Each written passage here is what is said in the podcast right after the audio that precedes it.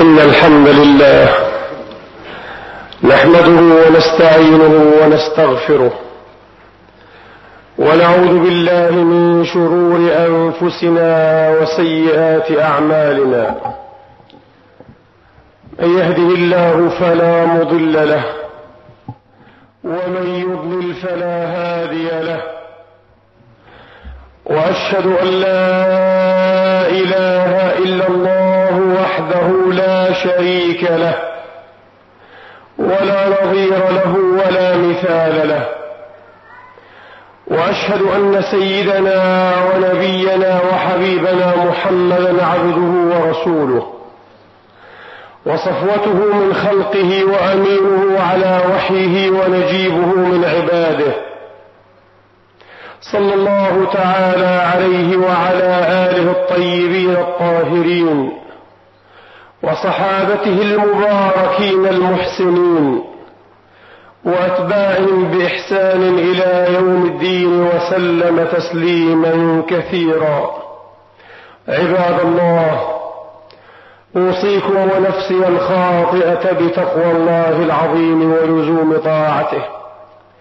كما أحذركم وأحذر نفسي من عصيانه ومخالفة أمره لقوله سبحانه وتعالى من عمل صالحا فلنفسه ومن أساء فعليها وما ربك بظلام للعبيد. أما بعد أيها الإخوة المسلمون الأحباب يقول الله سبحانه وتعالى في محكم الكتاب بعد أن أعوذ بالله من الشيطان الرجيم بسم الله الرحمن الرحيم.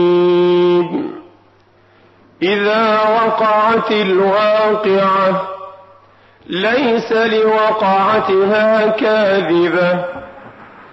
خافضة رافعة. إذا رجت الأرض رجا وبست الجبال بسا فكانت هباء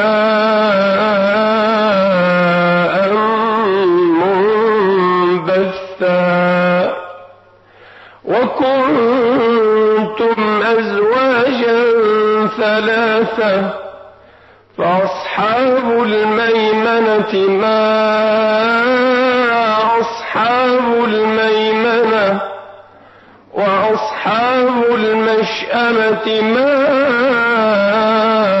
أصحاب المشأمة والسابقون السابقون أولئك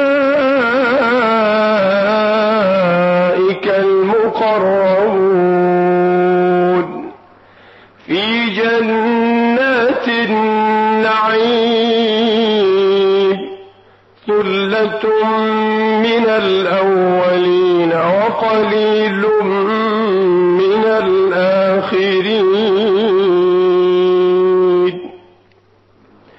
صدق الله العظيم وبلغ رسوله الكريم. ونحن على ذلك من الشاهدين. اللهم اجعلنا من شهداء الحق القائمين بالقسط. آمين. اللهم آمين. أيها الإخوة المسلمون يتردد معنا في كتاب الله سبحانه وتعالى أمثال هذه التسميات أو الاصطلاحات.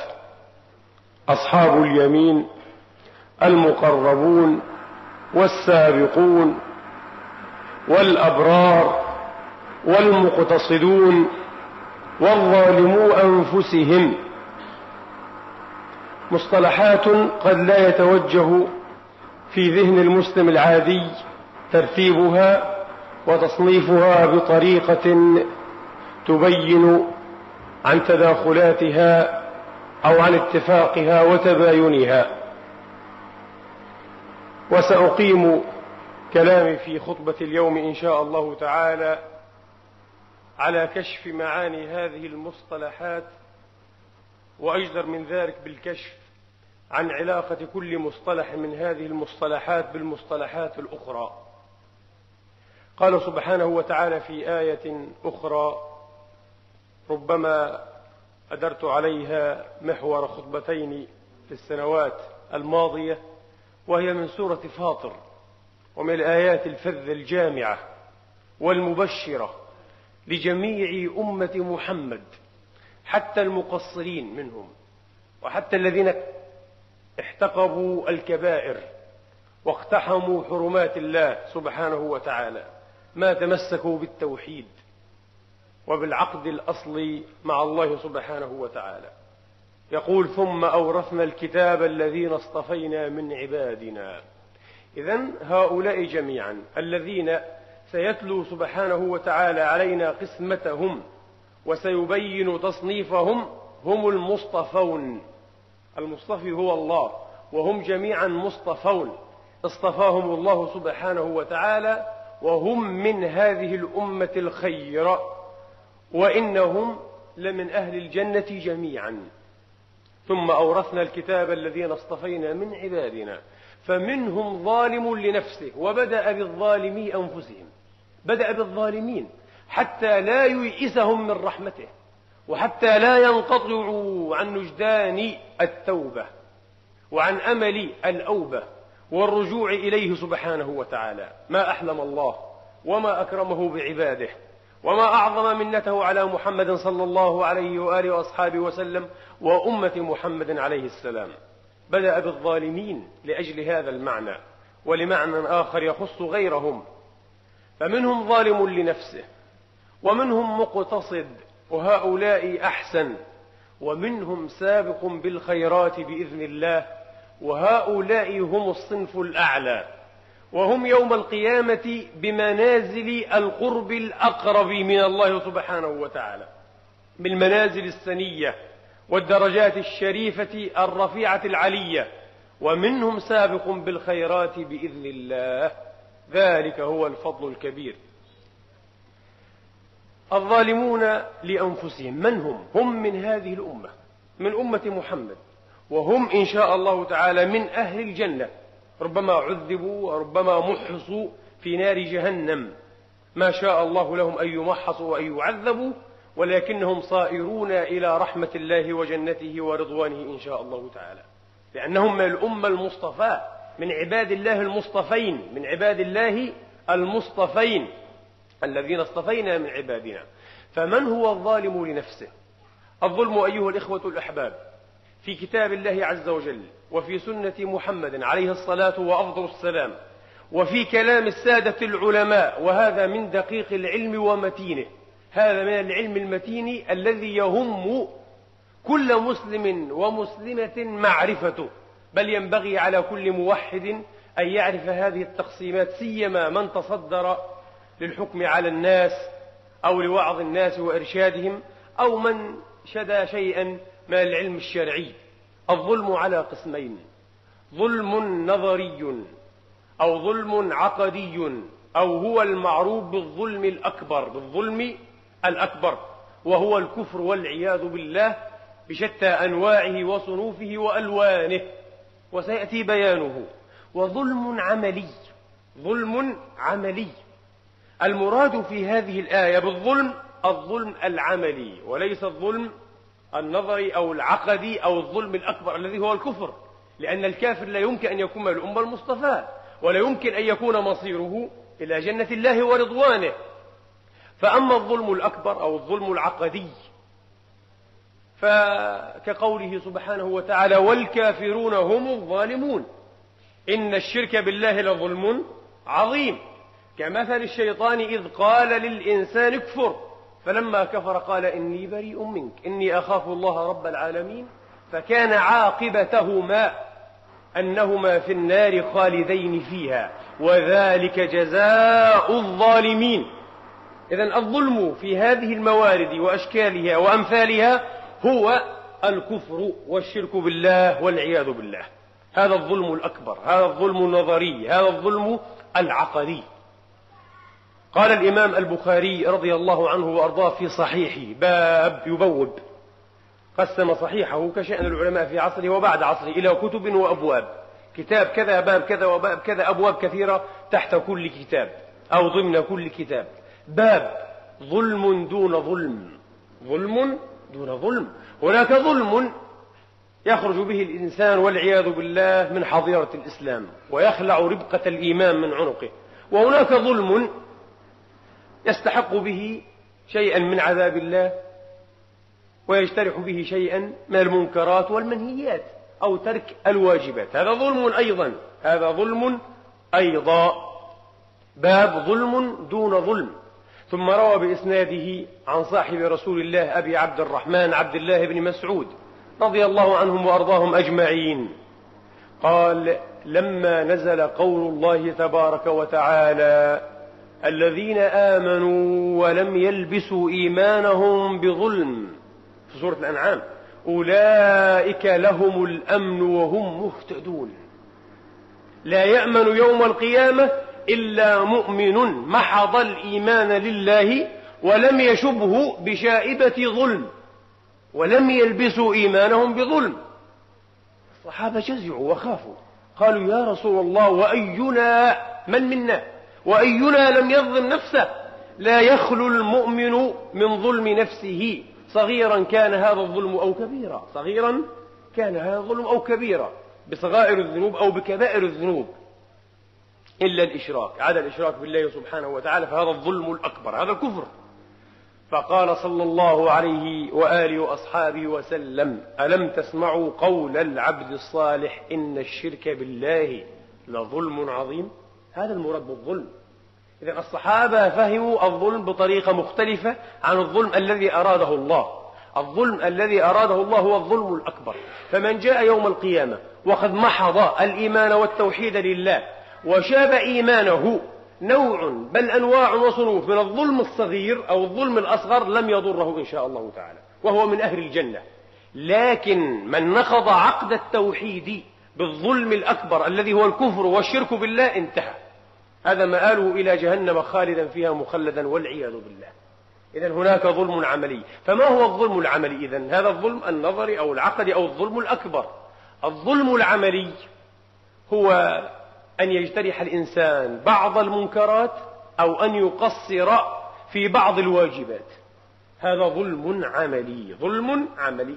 ولا يخلو تقريبا مؤمن من ظلم نفسه من ظلم نفسه إلا أن الله تبارك وتعالى يتجاوز ويسمح ويصفح ويغفر سبحانه وتعالى. نسأله العفو والعافية. فهذا ظلم دون ظلم. ظلم دون ظلم. فالظالمون الظالمون لأنفسهم من أمة محمد هم الذين قصروا في بعض الواجبات وربما ارتكبوا واحتقبوا بعض المنكرات. لكنهم موحدون على عقد الإيمان الأصيل الثابت الراسخ. هم من الأمة المصطفى ومن أهل الجنة ومن أهل حتى وإن كانت ذنوبهم هي كبائر الذنوب. وشفاعتي لأهل الكبائر من أمتي يوم القيامة. النبي يشفع أصلا في أهل الكبائر في أهل الكبائر ضمن أنواع من الشفاعة ربما عرضنا لها مرة. الله تبارك وتعالى أعلم. فمنهم ظالم لنفسه. إذا الظالم لنفسه في منزلة دون جميع المنازل. المقتصد خير منه والسابق المقرب خير منهما. إذا هو في أخس المنازل في أدنى المنازل في أحط المنازل. ومنهم مقتصد مقتصد من القصد والقصد هو التوسط والعدل. القصد وعلى الله قصد السبيل.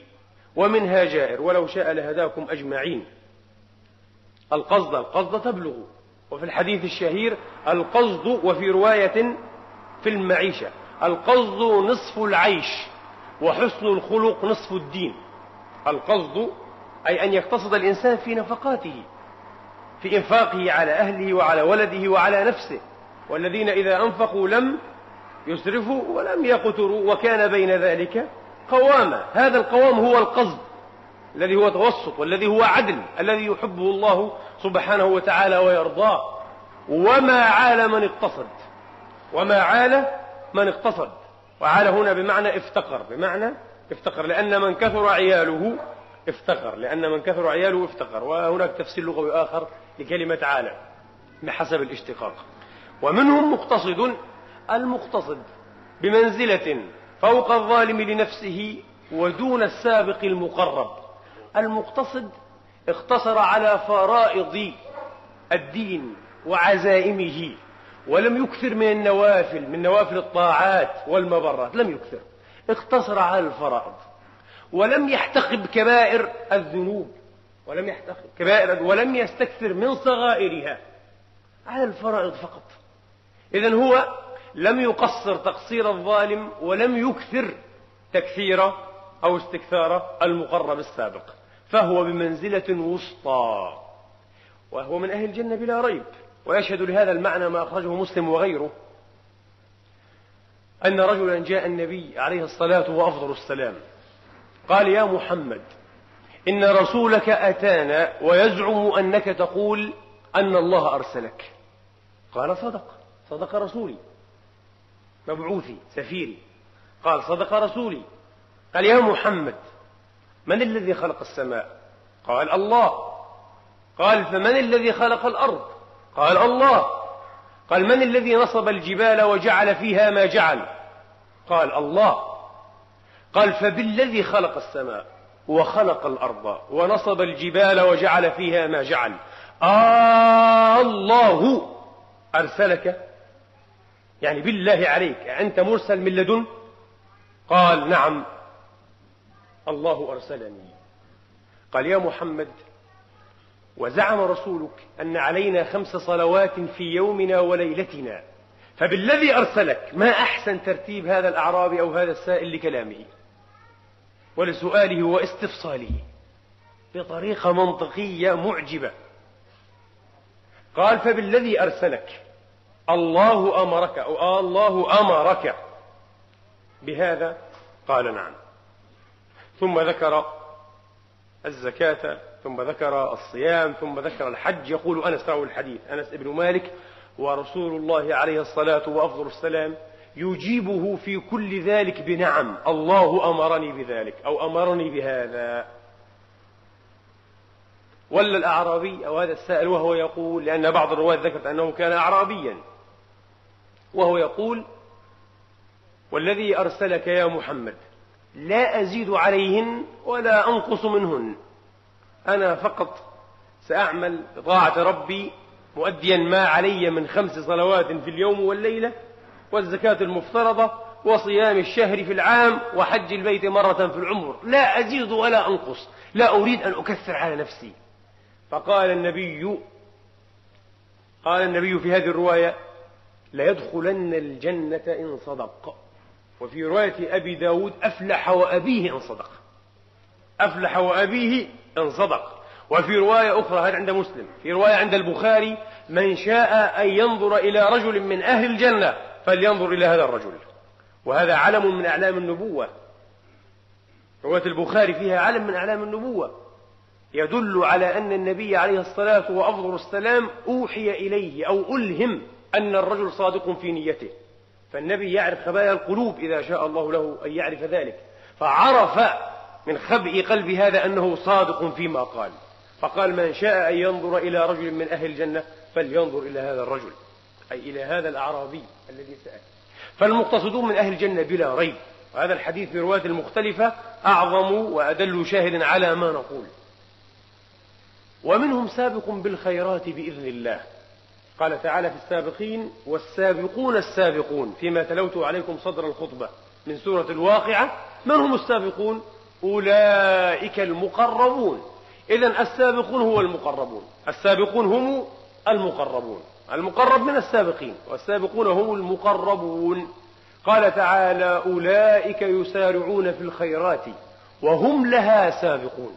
وهم لها سابقون في سورة الأنبياء في سورة المؤمنون. أولئك يسارعون في الخيرات وهم لها سابقون. نعود الآن أيها الإخوة الأحباب. المقتصدون أنفسهم يطلق القرآن عليهم اصطلاح الأبرار المقتصد هو البر المقتصد هو البر فالأبرار جمع بر من هو البر؟ البر الذي قام بواجبات البر والبر هو الإيمان أي بواجبات الإيمان والتقى قال تعالى ولكن البر من آمن بالله واليوم الآخر والملائكة والكتاب والنبيين وآتى المال على حبه إلى آخر آية البر من سورة البقرة. فالبر هو الإيمان والبر هو من قام وأدى ما عليه من واجبات الإيمان والتقى. فالبر مؤمن تقي. فكل مؤمن تقي هو بر وهو من جملة الأبرار. القرآن يعني بالمقتصدين في مواضع أخرى الأبرار. الأبرار هم المقتصدون. الأبرار هم المقتصدون. من أين لنا هذا؟ لأن سورة فاطر ثم أورثنا الكتاب وانتبهوا الذين اصطفينا من عبادنا قابل بين من ومن؟ قابل بين المقتصدين والمقربين. بين المقتصدين والمقربين. لماذا؟ لأن المقربين هم السابقون كما قلنا ومنهم سابق بالخيرات يعني هم المقربون. فالمقربون في جهة والمقتصدون في جهة. في سورة المطففين قابل القرآن بين المقربين وبين الأبرار. فعلم من ذلك أن الأبرار هم المقتصدون. إذا لا منافاة. ليس المقتصدين ليس المقتصدون أي قسما برأسه أو بحياله دون الأبرار. أي نقسم نقول هناك أبرار وهناك مقتصدون وهناك أصحاب يمين. غلط. أصحاب اليمين هم الأبرار هم المقتصدون. فرقة واحدة. إذا تحصل لدينا تقسيم ثلاثي وهو تقسيم سورة فاطر وهو أدل وأجمع التقاسيم. ظالم لنفسه ومقتصد ومقرب أو سابق.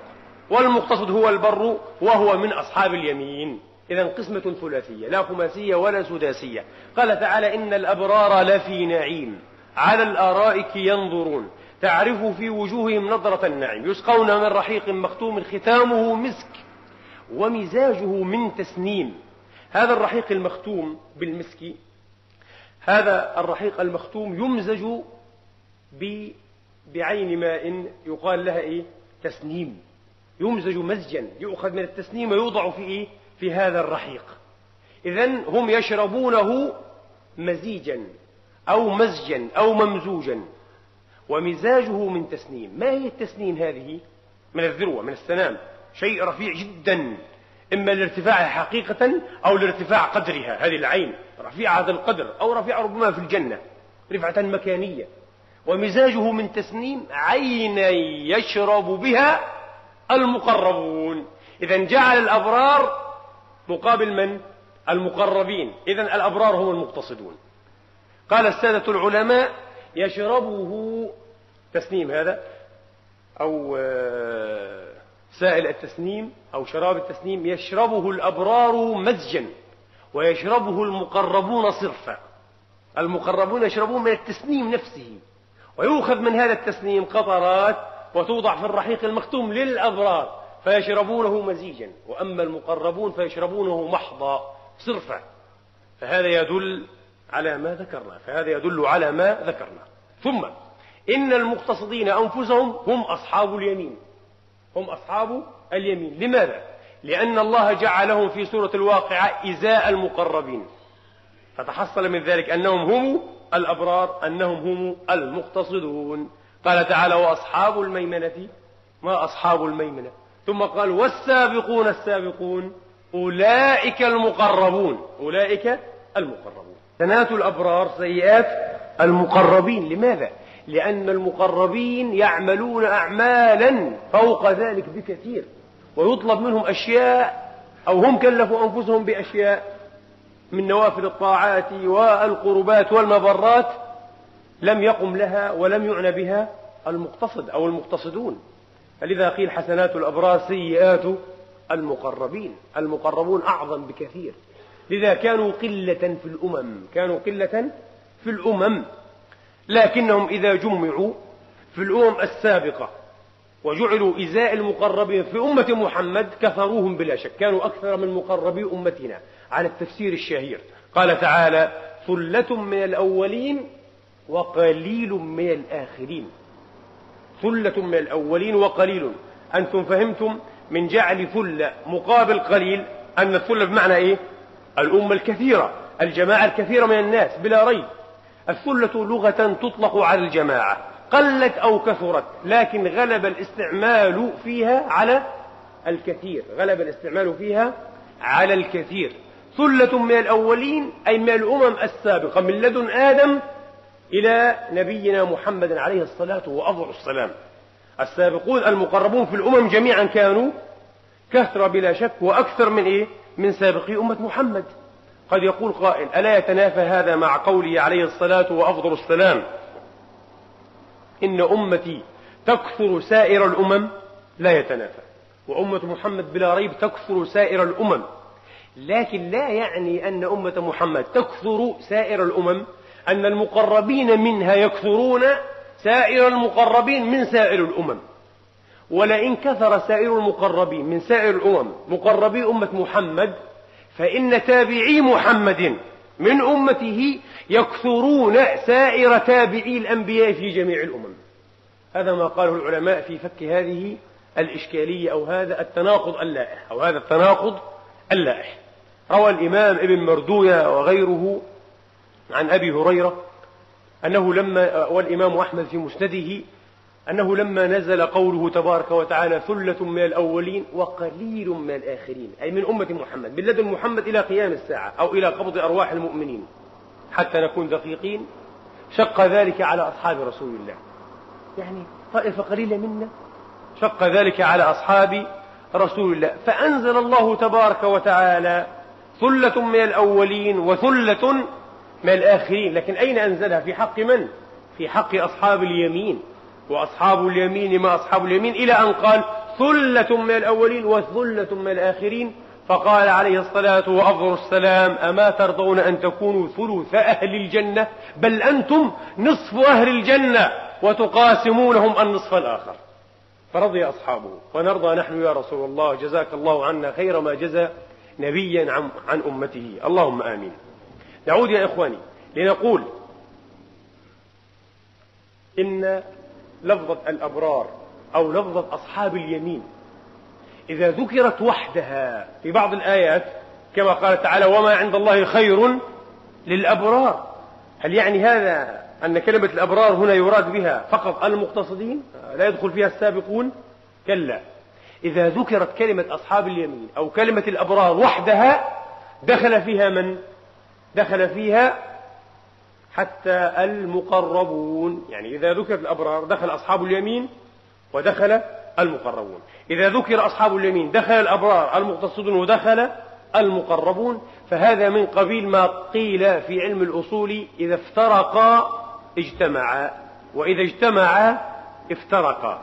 يعني إذا وجدنا في آية المقربين مع الأبرار أو المقربين مع أصحاب اليمين اختلف المعنى. فأصحاب اليمين طائفة والمقربون طائفة. الأبرار طائفة والمقربون طائفة. لكن إذا وجدنا أصحاب اليمين وحدهم دون ذكر المقربين دخل المقربون والآخرون من أصناف هذه الأمة الذين المعنى إليهم. فهذا كالفقير والمسكين. إذا ذكر الفقراء والمساكين في آية واحدة اختص الفقير بمعنى واختص المسكين بمعنى آخر. لكن إذا ذكر الفقير وحده أو المسكين وحده دخل فيه الآخر. فالفقير يعني المسكين والمسكين يعني الفقير لذا قالوا إذا اجتمعا افترقا إذا جاء هذان المصطلحان في آية واحدة افترق المعنى. وإذا افترقا اجتمعا. والدليل على هذا كما تلوت عليكم وما عند الله خير للأبرار. وقد علمنا من دعاء الأبرار وتوفنا مع الأبرار فدخل فيهم الجميع فدخل فيهم الجميع. وكمثل قوله سبحانه وتعالى إلا أصحاب اليمين. ذكر فقط أصحاب استثنى أصحاب اليمين إلا أصحاب اليمين في جنات يتساءلون عن المجرمين. فهنا المراد بأصحاب اليمين جميع الفرق بما فيهم المقربون وبما فيهم المقتصدون أيها الإخوة الأحباب. سأعرض الآن نقطة أخيرة في خطبة اليوم. لماذا سمي أصحاب اليمين بأصحاب اليمين؟ اختلف العلماء اختلافا طويلا وكثيرا. في توجيه هذه التسمية. فبعض يقول أصحاب اليمين في سورة الواقعة فأصحاب الميمنة قالوا مأخوذ من اليمن وهو ضد الشؤم. من اليمن؟ واليمن هو البركة. يعني هم ميامين مباركون. هم ميامين مباركون. وأصحاب المشأمة أو أصحاب الشمال من الشؤم. واليد الشؤمة هي اليد الشمال. هذا قول. وقول آخر قيل نسبة إلى اليد اليمين وإلى اليد الشمال. إلى اليد اليمين وإلى اليد الشمال. لأن العرب تجعل الخير لما في اليمين. كما قالوا في السارح والبارح مثلا. آه تجعل الخير لما في اليمين وتجعل الشر لما في الشمال. وقد يقال في توجيه هذه التسمية لأنه يذهب بأهل اليمين ناحية اليمين إلى الجنة يوم القيامة. ويذهب بأهل الشقوة والعياذ بالله والدثور إلى ناحية الشمال إلى جهنم. فهؤلاء أصحاب اليمين وهؤلاء أصحاب الشمال. وقد يقال لأن هؤلاء يؤتون كتبهم بأيمانهم. فأما من أوتي كتابه بيمينه فيقول هاؤم اقرأوا كتابيه وهؤلاء يؤتون كتابهم بشمال أو كتبهم بشمالهم. فهذا توجيه. وأخيرا وهذا وجيه جدا. قد يقال نسبة لوضعهم ومكانتهم من أبيهم آدم كما في حديث المعراج حديث الصحيح الذي أخرجه مسلم وغيره يقول عليه الصلاة وأفضل السلام ثم عرج بنا جزنا السماء الدنيا فإذا برجل جالس وعن يمينه أسودة وعن شماله أسودة جمع سواد وهو الشخص. أي شخوص. ناس. هنا شخوص وهنا شخوص أو أشخاص. وعن يمينه أسودة وعن يساره أسودة. فإذا نظر إلى من على يمينه ضحك واستبشر. فإذا نظر إلى من على شماله بكى. فعجب رسول الله عليه الصلاة وأفضل السلام قال فقلت يا أخي يا جبريل من هذا الرجل؟ وماذا يفعل؟ لماذا يضحك ويبكي؟ إذا نظر على يمينه ضحك وإذا نظر على يساره أو شماله بكى. فقال جبريل عليه السلام هذا آدم.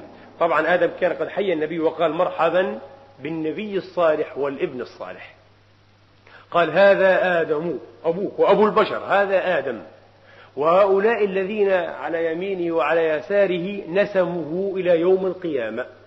نسم ولده يعني نسم ولده أي أرواح ونفوس أبنائه. نفوسنا جميعا. اللهم اجعلنا من أصحاب اليمين. واجعلنا ممن يضحك إليهم. أبوهم آدم عليه السلام. هؤلاء نسموا ولده إلى يوم القيامة. فالذين على أو عن يمينه هم أهل الجنة. والذين عن شماله هم أهل النار. فهؤلاء أصحاب اليمين وهؤلاء أصحاب الشمال. وهؤلاء أصحاب الشمال. سأعرض أخيرا لنقطة لطيفة. فيها شيء من لطافة وهي نقطة فيها شيء أيضا من عجب. تعلمون أيها الإخوة الأحباب أن الله عز وجل حين خلق هذا الإنسان وكونه شاء سبحانه وتعالى أن يكونه بطريقة بديعة وخاصة فجعل دماغه أي مخه نصفين. ويسمى مجموع هذين النصفين بالكرة المخية بالكرة المخية. الجانب الأيمن أو النصف الأيمن من نصفي الكرة المخية يتحكم في مناشط وفواعل الجانب الأيسر من الجسم والعكس كذلك الأيسر يتحكم في الجانب الأيمن. ونصفاء الكرة المخية يلتقيان بكتلة أو تصل بينهما كتلة كثيفة من جدائل عصبية يبلغ تعدادها بالملايين يبلغ تعدادها بالملايين ولا اسم معين في التشريح. المهم هذه الكتلة. الآن وجد العلماء بعد الدراسات من قديم تقريبا قديم نسبيا ومستفيضة إلى الآن وما زالوا يوصلون أبحاثهم أن النصف الأيمن من نصفي الكرة المخية هو المسؤول عن المناشط الفنية والذوقية مسؤول عن تذوق الفنون وتذوق الموسيقى مسؤول عن الشعور بالنشوة وعن قدرة الإبداع الفني وعن التخيل عن الجانب العاطفي في الإنسان عن شوق الإنسان وتوقه إلى المجهول الارتباط باللا محسوس كل هذا مسؤول عنه الجانب الأيمن في الإنسان الجانب الأيمن في مخ الإنسان. وأما الجانب الأيسر فمسؤول عن المناشط الحسية والتعامل المادي الحسي مع المادة في تحليلها وتركيبها وعن القدرات الرياضية والحسابية والمهارات اليدوية أشياء مادية تقريبا وعقلية صرف أو عقلية محض. الجانب الأيمن لا. أشياء عاطفية وجدانية غيبية مجهولة لا محسوسة أشياء غريبة. العلماء بعضهم وقف نفسه سنين عديدة على دراسة هذه الظاهرة العجيبة في تكوين الإنسان. من أشهر هؤلاء العلماء الذين ما زالوا أحياء اليوم العلامة الكبير البروفيسور بوب سامبلز هذا الرجل وهو مدير مشروع معروف في التلفزيون الأمريكي بمشروع النهضة Renaissance Project مشروع النهضة. ومسؤول عن جميع الندوات والمؤتمرات التي تعقد لدراسة ما يعرف بالمخ الرمزي أو المخ المجازي. metaphoric mind المخ المجازي أو المخ الرمزي. مسؤول عنه هذا الرجل. وهو محاضر في خمسة فروع لجامعة كاليفورنيا. عالم مشهور على مستوى القارة الأمريكية جميعا. له كتاب بنفس العنوان The Metaphoric Mind المخ المجازي أو المخ الرمزي. يقول نصف الكرة اليمين نسميه المخ الرمزي أو المخ المجازي ونصف الدماغ اليسار أو الكرة الدماغية الأيسر نسميه المخ المنطقي المخ المنطقي أو العقل mind عقل. brain مخ. العقل المنطقي. العقل المنطقي. كان ألبرت أينشتاين علامة الفيزياء الكبير. الرجل الفذ. يسمي الجانب الأيمن. يسميه الهدية المقدسة. من الله عز وجل. لا يستطيع الإنسان أن يعيش بدونه. يشعر بالغربة والتفرد والتوحد في هذا الكون بدون أن يفعل هذا الجانب الأيمن من دماغه. يضيع يتيه هذا الإنسان. في هذا الكون في هذه الحياة. ولذا كان أينشتاين يسميه الهدية المقدسة. وكان يسمي الجانب الآخر الخادم الأمين. الخادم الأمين. يقول سامبلز وأنا من خلال دراساتي وأبحاثي التي تواصلت عقدا ونصف العقد من السنوات يعني حوالي خمسة عشرة سنة وجدت أن الجانب الأيسر من مخنا المخ المنطقي أو العقل المنطقي متبلد كسول ليس سريعا ليس فاعلا كما نحسب. متبلدا كسولا وجدته متبلدا كسولا فقد استغرق قرابة عشرة آلاف سنة حتى عرفنا بنفسه ودلنا على ذاته. مرحلة التمدين والتحضر. وأما الجانب الأيمن من نصفي الكرة الدماغية فهو جانب مذهل في نشاطه وسرعته مستعد للتعامل معنا تلقائيا. كل مولود يولد على الفطرة موجود هذا الاستعداد دائما وبشكل مذهل وسريع. إلا أنني وجدت أن الإنسان عبر مسيرته الحضارية قد أولى المخ أو العقل المنطقي الجانب الأعظم من عنوه ورعايته وإرشاده وتربيته وقد أهمل المخ أو العقل الرمزي أو المجازي كثيرا وهو الآن بانتظار مزيد من الرعاية والاهتمام والحنو والتنشئة وما إلى ذلك. ما زال بكرا ما زال طفلا صغيرا يحتاج إلى رعاية خاصة من عبارات بوب سامبلز التي راعتني والتي توقفت عندها قوله. إنه يذهلنا ويتعبنا حين نتتبع دخائل العقل الإنساني في سراديبه ومساراته المختلفة. ويعرض لنا كل حين. يتدخل دائما. كأنه يريد السلطة. كأنه يريد الهيمنة.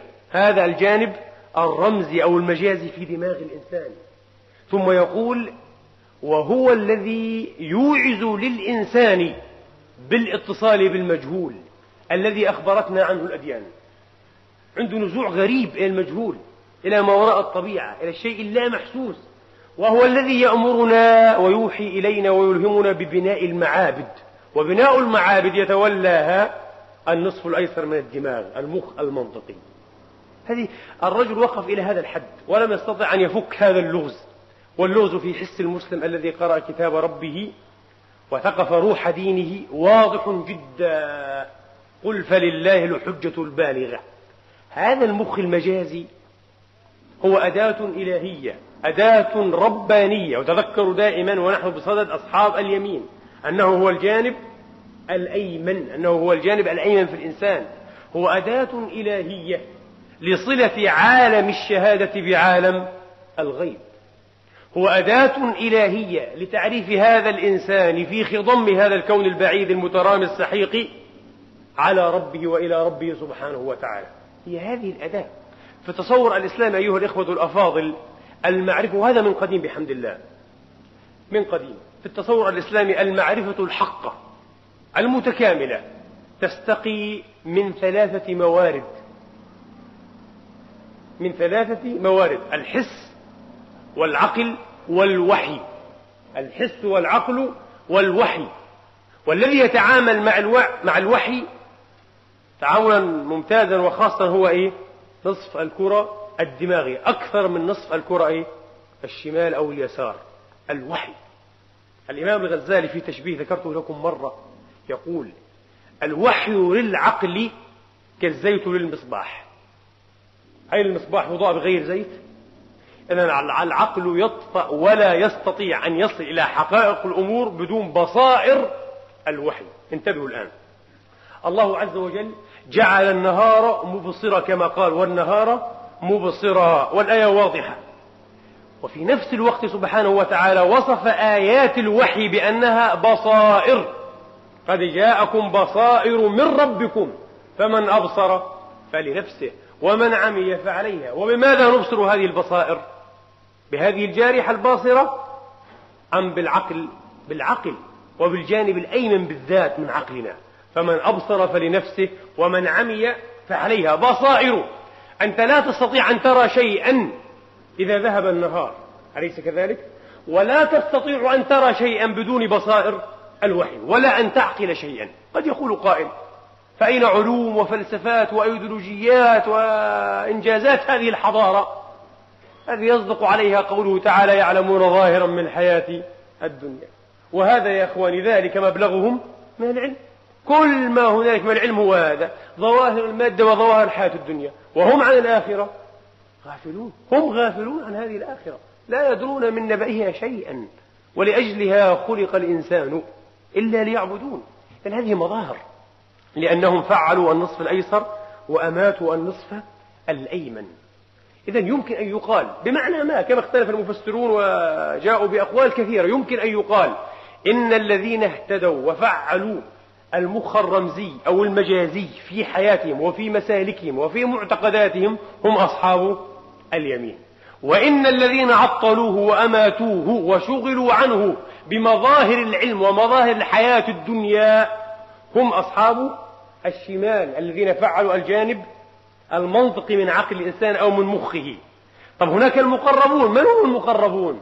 هم الطائفة الأمثل الذين قاربوا بين فواعل ومناشط نصفي الكرة الدماغية. فامتازوا بهذا وامتازوا بهذا أيضا. هؤلاء هم بناة الحضارة. أليس كذلك؟ وهم قلة كل بناة الحضارة في كل عصر. أعني الملهمين الملهمين الأولين في الحضارات. آه. الأشخاص المتفردين.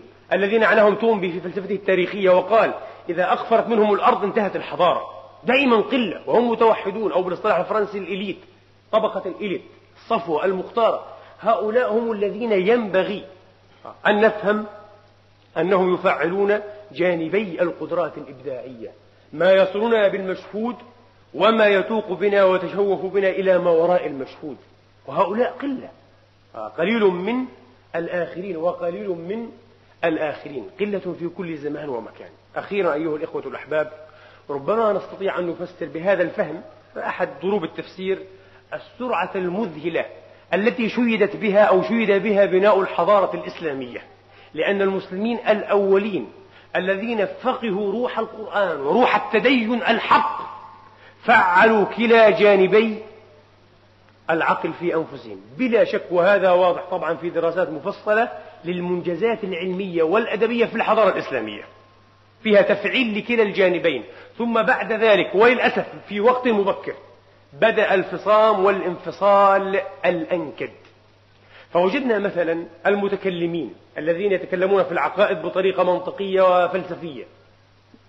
وجدنا المتكلمين يدعمون العقل لكن لم يحسنوا الاستفادة من بصائر وحي كثيرا. لم يساوقوا بين ما أتى به العقل وبين ما جاء به الوحي. وإن فعلوا فبطريقة مفتعلة في أكثر الأحيان.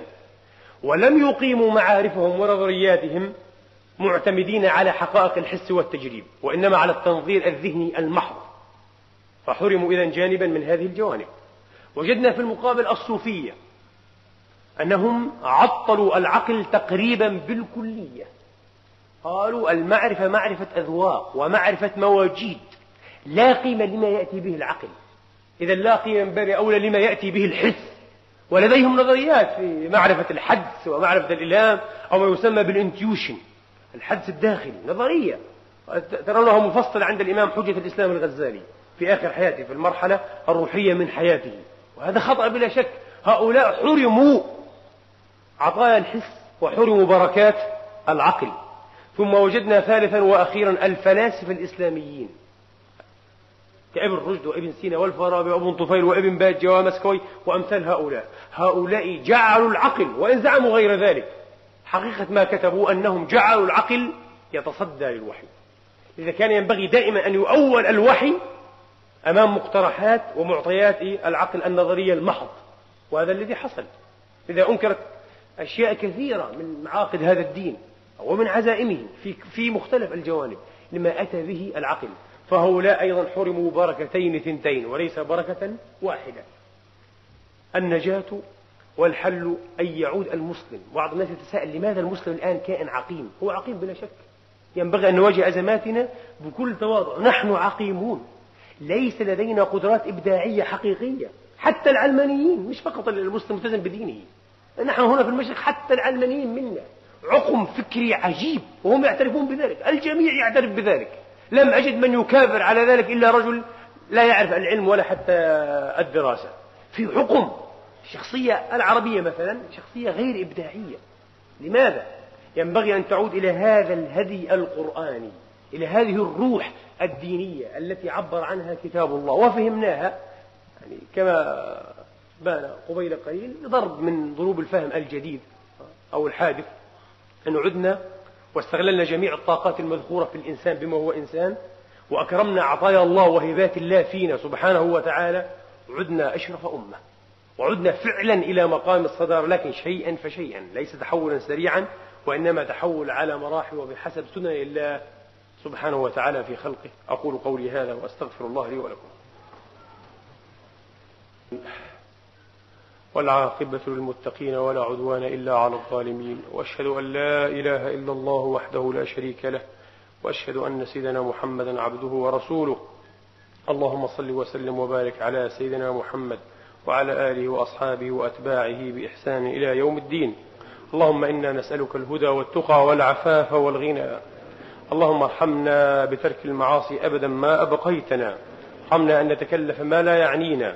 اللهم إنا نسألك من كل خير خزائنه بيدك ونعوذ بك من كل شر خزائنه بيدك.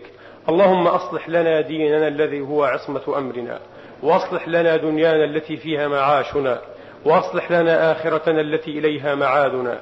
واجعل الحياة الدنيا زيادة لنا في كل خير واجعل الموت راحة لنا من كل شر. ربنا اغفر لنا ولإخواننا الذين سبقونا بالإيمان ولا تجعل في قلوبنا غلا للذين آمنوا. ربنا إنك رؤوف رحيم. عباد الله إن الله يأمر بالعدل والإحسان وإيتاء ذي القربى وينهى عن الفحشاء والمنكر والبغي. يعظكم لعلكم تذكرون. اذكروا الله يذكركم واشكروه يزدكم وسلوه يعطكم وقوموا إلى صلاتكم يرحمنا